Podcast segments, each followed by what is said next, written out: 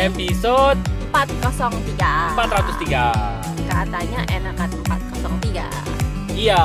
Saya ngikutin kamu Saya melengkapi aja. Oh, Kamu oke. ngomong 403, saya 403. Artinya 403 kita saling melengkapi. Oke Kita sudah hari Sabtu, kita sudah weekend lagi. Happy weekend Sekarang sama aja ya, mau weekend, mau hari biasa, kayaknya berasanya weekend aja gitu. Ya mudah-mudahan eh maksudnya mungkin kalau weekend masih nggak ada kerjaan, mudah-mudahan kerjaannya masih bisa dipisahin gitu Iya. antara waktu kerja dan waktu istirahat. Iya, betul sekali. Nah, teman-teman, kita mau ngobrolin soal yang kemarin sama Rusi gue bahas nih gitu. Ini Iya. menarik sih buat gue. Buat ini. Ya, Buat bahan apa ya? gue sih belajar gitu. Iya, gue juga. Gue sih belajar dari eh, orang-orang ini gitu. Benar. Jadi intinya kita tuh anggaplah kita lagi ada masalah nih ya Mm-mm. gitu. Nah eh, kita tuh ternyata datang ke orang yang berbeda, responnya berbeda gitu. Iya. Betul. Dan dari situ gue belajar gitu. Jadi ada dua tipe orang eh, yang responnya berbeda Dalam menghadapi masalah. pada saat ada masalah. Hmm. Yang pertama itu tipe orang-orang reaktif. Jadi bahasanya kok bagus ya. Oke. Tadi katanya kayaknya bahasanya nggak gitu deh. nggak tahu ini keluar sendiri. Oke Nggak oke. apa-apa ya Pak. Bener-bener. Tipe Iya. orang yang reaktif. Oke, betul. Iya, jadi ketika kita ada masalah, kita sampaikan ke tipe yang pertama ini, mereka akan cenderung ya reaktif. Hmm. Eh, nggak mau tahu, Iya. nggak mau tahu masalahnya. Pokoknya maunya beres, pokoknya harusnya beres. Hmm. Terus cenderung menekan, Hmm. cenderung menekan, cenderung ya tadi reaktif, langsung marah-marah. Eh, bahkan Nggak mau ad- tahu. nggak pokoknya. mau tahu pokoknya masalahnya harus beres dan eh, terkadang ada ancaman-ancaman Hmm, gitu ya hmm. kalau yang udah garis keras gitu kan Iya. eh, udah keluar ancaman-ancaman yang nggak enak gitu Oke. jadi kita tuh kalau punya masalah datang ke tipe-tipe yang seperti ini malah stres gitu kan malah Betul. tertekan gitu Betul betul. oke nah Eh tapi, kamu menyadari nggak Mm-mm. dari tahun tahun yang pertama kita lewatin, Iya. sekarang kita sudah mengeliminir yang ini loh. oh iya iya iya benar benar benar Iya benar kan? benar benar Iya. iya ada masanya gue Gue baru menyadari loh banyak hal ya, itu. banyak Gitu. berurusan Iya iya iya. Ya kan kalau zaman waktu gue sama Rusi pertama kali mengalami eh, apa ya kita sebut kejatuhan finansial itu kita banyak banget berhadapan dengan orang-orang tipe reaktif nih, gitu. Nah, eh, makin ke sini gue ada problem gitu ya. Orang-orang ini makin sedikit yang ada di dalam lingkaran gue. Nah, Iya. Tapi sekarang di lingkaran kami itu ada satu tipe orang yang berbeda, yaitu Iya, tipe yang kedua saya nggak tahu ngomongannya apa, namanya reaktif sama proaktif apa ya? Oh, mungkin iya benar. Gue pernah baca baca ini kok di eh, s- buku gitu. ya Reaktif sama proaktif, proaktif ya, betul ya? ya. Nah, gua nggak tahu bahasa proaktif nih sebelumnya ya, karena Hmm. yang gua pikir tipe-tipe ini orang yang lebih bijaksana kalau menurut Nah, gue. Berarti Lebih- yang sebelah tidak bijaksana dong. ya lu pikir aja sendiri. Oke oke. ya, jadi Udah, udah. Lanjut eh, lanjut. Oh, ti- tipe yang kedua ini, gue belajar banyak dari cara mereka menanggapi, merespon, dan Masalah. menghadapi masalah. Ya. Gue sendiri masih ya, kadang-kadang gue masih kebawa reaktif ya. Hmm. Eh, cuma gue nggak langsung keluar gitu. Hmm. Gue lebih reaktif ke diri sendiri, panik. Aduh gimana nih, aduh gimana nih, pokoknya kayak gitu kayak gitu. Nah ternyata tipe yang kedua ini datang kita datang dengan masalah yang sama gitu ya, Hmm. dihadapkan dengan masalah yang sama. Dan ini Mere- berhubungan dengan masalah mereka juga loh. iya gitu. Ini sama nih ya kondi- kondisinya ya. Kondisinya sama. Jadi ada masalah bareng-bareng. Mm-mm. Yang satu tadi kita sampaikan ke tipe yang pertama. eh, yang satu kita sampaikan juga ke tipe yang kedua. Caranya beda. Nah, yang Hmm. kalau tipe yang kedua menanggapinya itu justru mereka lebih eh, Berpikir solusi. berpikir solusi dan Iya. malah mikir ini harusnya bisa di seperti ini. Heeh. Coba ini dipakai cara yang ini. Mm-mm. Bisa nggak ini begini? Gitu. Jadi Malah mereka kasih solusi. mereka banyak Betul. berpikir gitu Heeh. dan nggak ada marah-marah sama sekali walaupun kecewa pasti, pasti, kecewa Iya, karena mereka pasti. juga dirugikan gitu betul tapi yang menarik itu loh sudut pandang merekanya dan cara mereka berpikir betul eh, apa kematangan mengelola emosi Ya, kalau gue cara bilang. mereka merespon ya Mm-mm. betul mereka kecewa pasti mereka dirugikan iya tapi eh, emosi sangat kecil bermain di situ Mm-mm. mereka terus berpikir apa yang bisa dilakukan apa yang bisa dilakukan untuk meminimalisir kerugian malah kalau bisa apa yang bisa dilakukan untuk akhirnya bisa beres gitu Mm-mm. dan mereka ngomong itu dengan baik-baik Mm-mm. dengan diskusi yang masih enak gitu Hmm. ya dan gue jadi kagum gitu sama eh, orang-orang yang akhirnya gue kelompokkan ke tipe yang kedua ini. Proaktif itu ya? Dan Ya, gue ngelihat emang beda gitu ya. Betul. Keadaan finansialnya juga beda jauh Betul. gitu. Betul. Antara yang tipe pertama dan Satu. kedua ya? Ya dengan yang dua. Dan gue bilang sama Ari apa mungkin itu ya yang bikin mereka akhirnya jadi betul. berhasil ya? Benar. Karena setiap ada masalah bikin mereka tambah pinter karena mereka mikir gitu. Iya betul. Mereka mikir mereka belajar mereka jadi kreatif terus ya ya mungkin karena itu sekarang mereka ada di posisi yang enak gitu. Mm-mm. karena se- mungkin sepanjang perjalanannya ya kita nggak tahu udah berapa puluh tahun mereka melakukan seperti itu untuk menghadapi masalah. Jadi sekarang di titik ini mereka tuh udah makin bijak udah makin kreatif udah makin ya pokoknya pikirannya tuh memang udah Dipakai. terbiasa itu Ya, bahasanya betul dong. Pikirannya terbiasa dipakai betul. dipakai untuk cari Solusi. solusi, gitu. Betul. Dan gue wah gue perlu belajar nih dari orang-orang ini gitu. Gue dan gue bersyukur sih di saat ada masalah masih ada orang-orang yang eh, kita bisa ajak untuk berpikir. Betul. Nah gitu. sebetulnya ini ada di materinya Pak Arisandi. Gue pernah mendengar ini dari Pak Arisandi Oh, iya, iya, iya, yaitu benar. orang di bawah garis Di bawah dan garis orang dan di atas garis. Orang di bawah garis itu sifatnya reaktif. Mereka menyalahkan, mereka tidak mau mengambil tanggung jawab. Pokoknya ya namanya reaktif gimana sih ya? Bereaksi nggak gitu mau ya. mikir Nggak mau mikir. Nah, tapi ada orang yang di atas garis. Orang-orang di atas garis ini orang-orang yang mengambil tanggung jawab. Iya, iya, Mereka berpikir solusi iya. gitu Mm-mm, kan. mm-mm. Mereka pokoknya mereka selalu berpikir menang-menang gitu. Win-win gitu. Mm. Nah, waktu itu waktu gue mendapatkan hal itu itu tuh masih sebatas teori tapi setelah berjalannya waktu gitu ya gue mengamati orang kita mengamati orang eh ternyata emang bener begitu ya gitu nah bener gue setuju sama Rusi tadi kalau kita ketemu dengan orang-orang yang di atas garis orang-orang yang proaktif atau orang-orang yang tipe kedua ini mereka itu memang bahasa gue memang agak langsung ya mereka memang otaknya dipakai gitu Iya. untuk itulah kenapa mereka itu setiap ada masalah mereka jadi malah berkembang mereka Betul. malah jadi eh, maju lagi mereka berkembang lagi gitu makin dibanding makin pinter kan iya jadinya. nah dibanding orang-orang yang di bawah garis mereka tuh hanya bisa menuntut me, apalagi ya marah-marah gitu ya reaktif gitu ya mereka nggak mau ambil tanggung jawabnya ya pokoknya itu urusan dan kamu gitu menyalahkan menyalahkan keadaan menyalahkan orang lain pokoknya semua disalahkan kecuali dirinya mereka pokoknya Gitu. mereka maunya nggak bisa dong harus Ya. terima beres gitu Betul. Nah, eh gue setuju sama Rusi ini dan gue baru menyadari satu hal bahwa semakin tahun nih, gue semakin tidak berurusan sama orang-orang reaktif. Ya kan? Ya kan dari zaman dulu. Oh, gue pikir, oh ternyata gue ada pergeseran ya. Gue baru menyadari nih. sadar ya Iya, gue baru menyadari gue ada pergeseran. Ternyata lingkungan gue sekarang lebih banyak orang-orang yang ada di atas garis dan gue bersyukur sekali terhadap hal itu gitu. Nah, poinnya adalah yang mau gue samp yang yang kita mau sampai ini gini. Gue belajar sesuatu dari hal ini adalah gini, bahwa pertama lingkungan lo menentukan pola pikir lo. Dan gue sangat bersyukur sekali gue karena sebagian besar lingkungan kita sekarang ada orang-orang yang di atas garis. karena dulu gue inget waktu pertama kali kita jatuh itu Iya. terus kita masih banyak banget berurusan dengan orang-orang yang tipe pertama Mm-mm. gue lebih stres karena orang-orang itu daripada karena masalahnya sendiri Bener, gitu betul. dan di titik itu gue sampai nulis loh gue bilang gue akan lebih teliti gue akan lebih selektif memilih orang-orang dalam lingkungan eh, bisnis bener. karena gue pengen orang yang bisa diajak mikir bareng-bareng bener.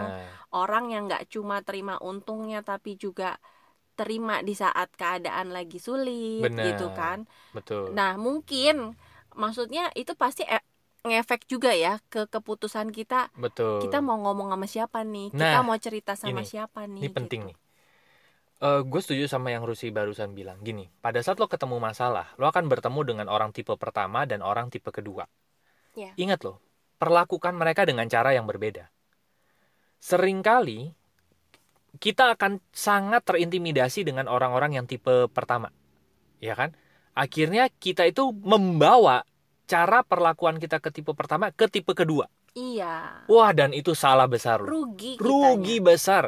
Gue masih inget banget ya. Em gue masih inget kalau di network marketing tuh ada prinsip begini. Habiskan 80% waktu kita sama orang-orang aktif.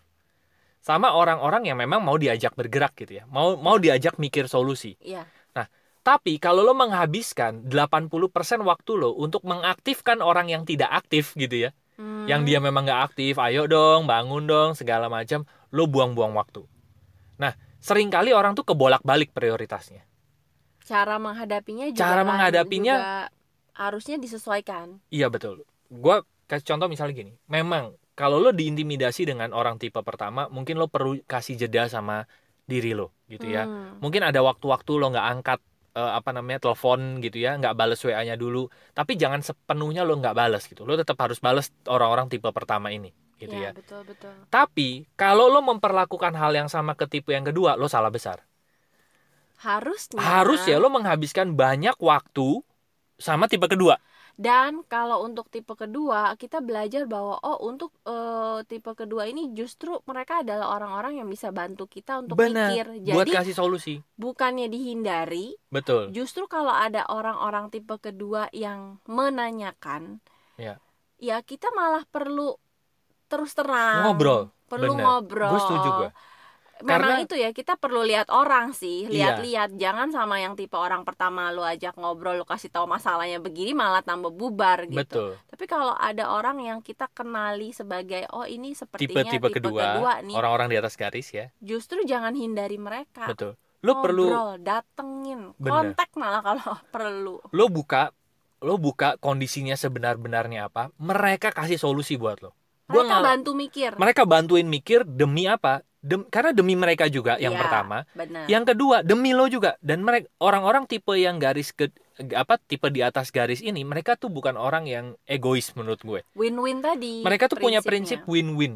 Semua orang harus menang gitu ya. Gua menang, lo juga menang gitu. mereka justru akan bantuin mikir oke biar gua selamat tapi lu juga harus selamat Benar. gimana ini gitu nah, Nah. itu susah kita temuin di tipe yang pertama kalau Nah. tipe yang pertama ya urusan lu amat, iya. urusan lu gimana yang penting mana punya gue sini gitu kan Bener. tapi kalau yang tipe kedua mereka tuh ikut memikirkan oke lu nya gimana gitu kan Bener. Nah, Eh, betul. kondisi yang nanti bisa enak bareng-bareng gimana nih Betul. Nah, cuman kalau lo nggak terbuka sama tipe kedua, lo nya Ya, salah. kan nggak bisa dibantuin mikir jadi Lo nggak bisa dibantuin mikir. Jadi menurut gua gini, kalau lo terbuka sama tipe pertama, nah lo salah menurut gua gitu ya. nambah-nambahin Nambah-nambahin masalah, nambah-nambahin beban pikiran lo. Jadi karena Lo mereka cuma akan tambahin ya tekanan lo doang akan tambahin, in- lo akan terus diintimidasi aja. Tapi kalau lo terbuka sama tipe kedua, mereka akan kasih solusi yang benar-benar luar biasa. dan kalau selama ini kita nggak kepikir kalau ada ya orang kayak gitu Hmm. nah berarti lingkungan kita masih dipenuhi Betul. sama tipe yang pertama Bener. nah pertanyaannya kenapa lingkungan kita masih dipenuhi tipe yang pertama Berarti kita men- balik-balik orang itu menarik. ke diri Iya. sendiri kita masih menarik tipe-tipe yang seperti itu Betul sekali. dan sebenarnya eh, iya ya ketika balik lagi ke kesadaran diri ya ketika kita akhirnya belajar iya ya kenapa lingkungan gue begitu emang ada ya orang yang kayak tipe kedua banyak banyak.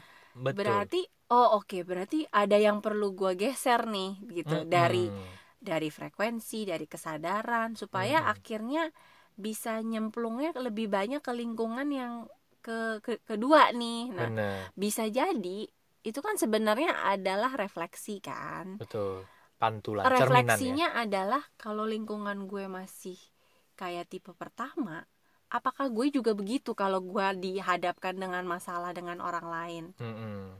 apakah gue juga masih yang reaktif apakah Iya. gue juga yang masih nggak mau tahu gitu Iya. sebenarnya eh, begitu kitanya mulai bergeser kita akan menarik frekuensi yang sama kan gitu benar betul betul jadi Nah. ya betul poin gue adalah gini saat lo ketemu dengan te- ketemu masalah ya gue juga menyadari hal ini ya.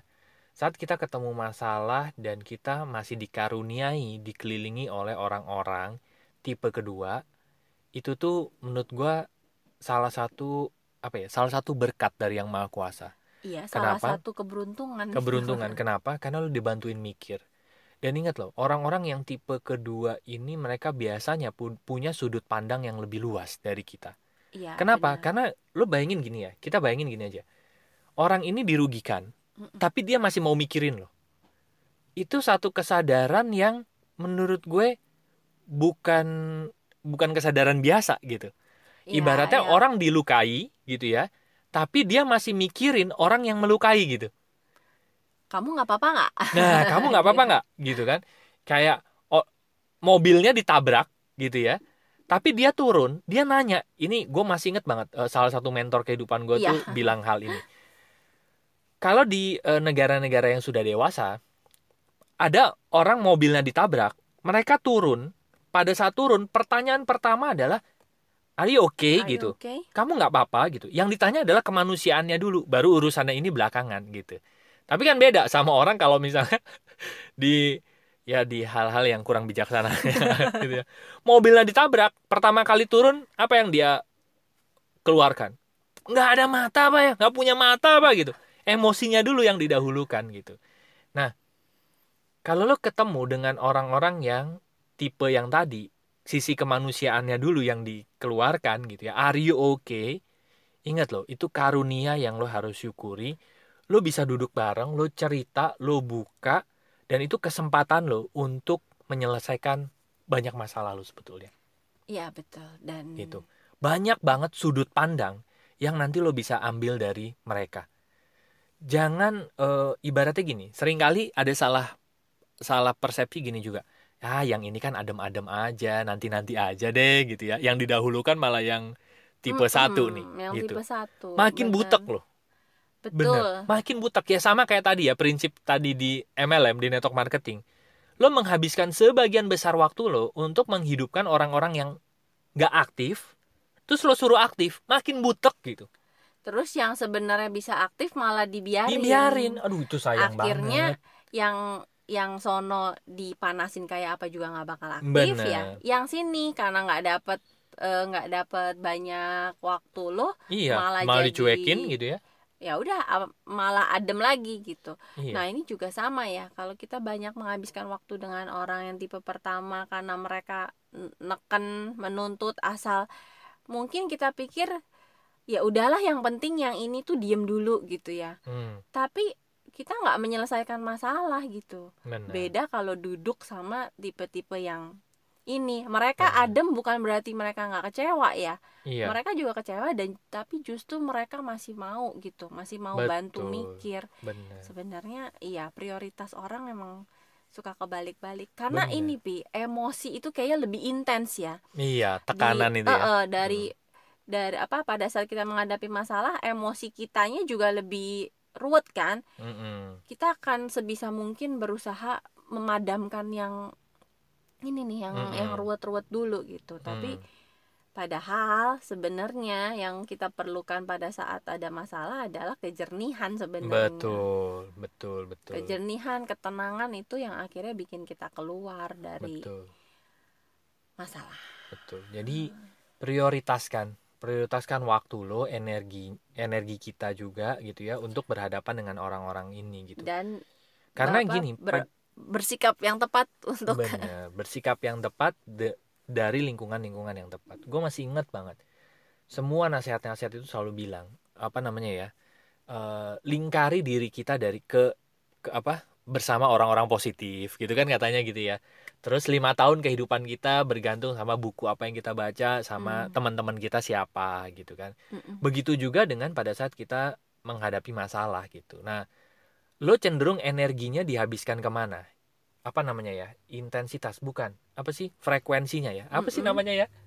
Vibrasi. vibrasinya ke mana? Kalau lo cenderung vibrasinya ke tipe yang pertama, walaupun lo nggak bergaul sama dia ya, mereka ya, Mm-mm. poinnya gini, walaupun lo mungkin tidak bergaul sama mereka tapi yang lo pikirin mereka terus itu berarti antena antena lo tuh kesa- masih ke sana gitu nangkep ya maksudnya ya? Mm-mm. tapi pada harus ya lo eh, arahin antena lo ke tipe yang kedua gitu jadi ya eh, otomatis kita juga sedang menggeser diri kita sih bener D- betul. daripada kita eh, reaktif aja kitanya gini kalau kitanya udah mulai bisa berpikir oke yang penting gue mikir solusi gue penting yang Mm-mm. penting gue mikir solusi apa yang Bener. masih bisa dilakukan itu sebenarnya kita sedang menggeser frekuensi kita sendiri sampai Betul. akhirnya ketemu sama orang-orang yang frekuensinya sama nah mereka yang akan eh, bisa kita ajak ngobrol gitu betul betul tapi betul. balik ke frekuensi apa yang kita pancarkan.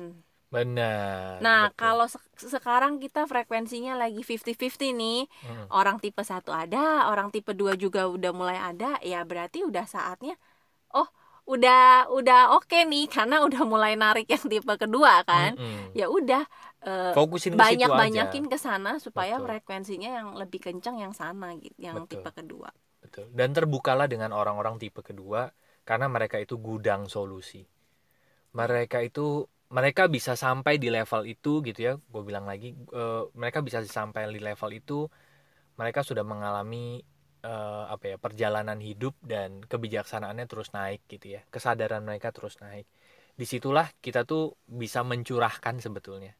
gue juga lagi belajar ya apa pengen tahu apa sih pola pikir mereka kok mereka masih bisa ya tenang kok mereka Mm-mm. masih bisa ya mikirin orang lain gitu Mm-mm. dan kayaknya eh, menyenangkan bisa ada di frekuensi yang seperti itu Bener. gitu Betul betul betul.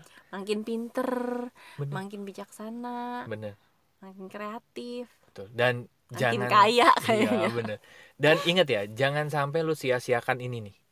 Ini tuh harta karun lo gitu. Kalau lu cuekin yang ini ya, yang tipe kedua gitu ya, aduh, harta karun lo lepas deh. Sayang, sayang banget. Padahal itu mungkin sudah udah dibangun ya, gitu.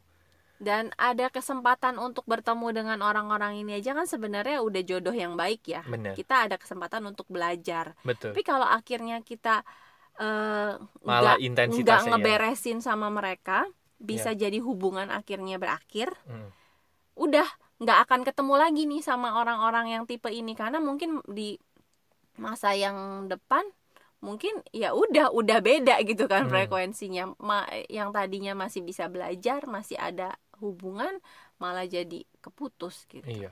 Sayang Gua menyebutnya banget. itu teman-teman diamond tuh. Teman-teman yang gila banget lah. Lu bisa berkembang lebih lagi dari dari posisi sekarang gitu. Karena kenapa? Ya tadi, karena mereka tuh punya punya skill menghadapi masalah, mereka punya kesadaran-kesadaran yang lebih tinggi dan Iya benar. Sudut Itu- pandang itu gudang apa ya? Gue bilang gudang ilmu, gudang ya gudang solusi, gudang segala macam lah. guru-guru juga lah ya, Benar, guru Betul, kehidupan. betul. Hmm. Ya, gitu deh teman-teman. Jadi ini kita melihat ada dua dua sudut pandang ya. Semoga teman-teman bisa mendapatkan sesuatu lah. dari pengamatan. Iya iya. Gitu dan kita juga bisa memutuskan kita ada di tipe yang satu atau yang tipe kedua. Iya gitu ya. dan Tapi mulai tipe mengambil keputusan untuk kalau mau bergeser kan semuanya bisa digeser gitu kan. benar, betul banget. Ya kita Ya deh. sendiri masih belajar untuk geser dong. Iya. 46 46. Oke deh, baik teman-teman. Buat teman-teman yang masih ngobrol bareng kami, silahkan masuk aja ke website kami yaitu Lompatanhidup.com. Nanti ada tiga page di sana. Yang pertama ada home buat ngobrol, buat chit chat, buat kasih sudut pandang, kasih insight. Silahkan masuk aja ke home. Nanti ada tombol WA-nya di sana. Klik aja nanti akan terhubung dengan WA kami. Lalu yang kedua ada Ada konseling dan event Buat- buat teman-teman yang butuh layanan profesional untuk terapi, konsultasi, konseling dan juga mengundang kami bicara Yes. event dan semuanya bisa dilakukan online. Oke, dan juga yang ketiga ada bisnis buat teman-teman yang ingin mendapatkan rekomendasi bisnis dari kami. Kalian bisnis apa sih? Mau tahu dong tentang bisnis kalian? Katanya ada komunitasnya, ada mentoringnya. Wah, pokoknya seru banget. Silahkan masuk aja di page yang bisnis, klik aja tombol WA-nya nanti akan terhubung dengan WA kami. Oke, terima kasih teman-teman sudah mendengarkan episode. 403. Semoga bermanfaat dan sampai jumpa di episode berikutnya. Thank you, bye-bye. See you.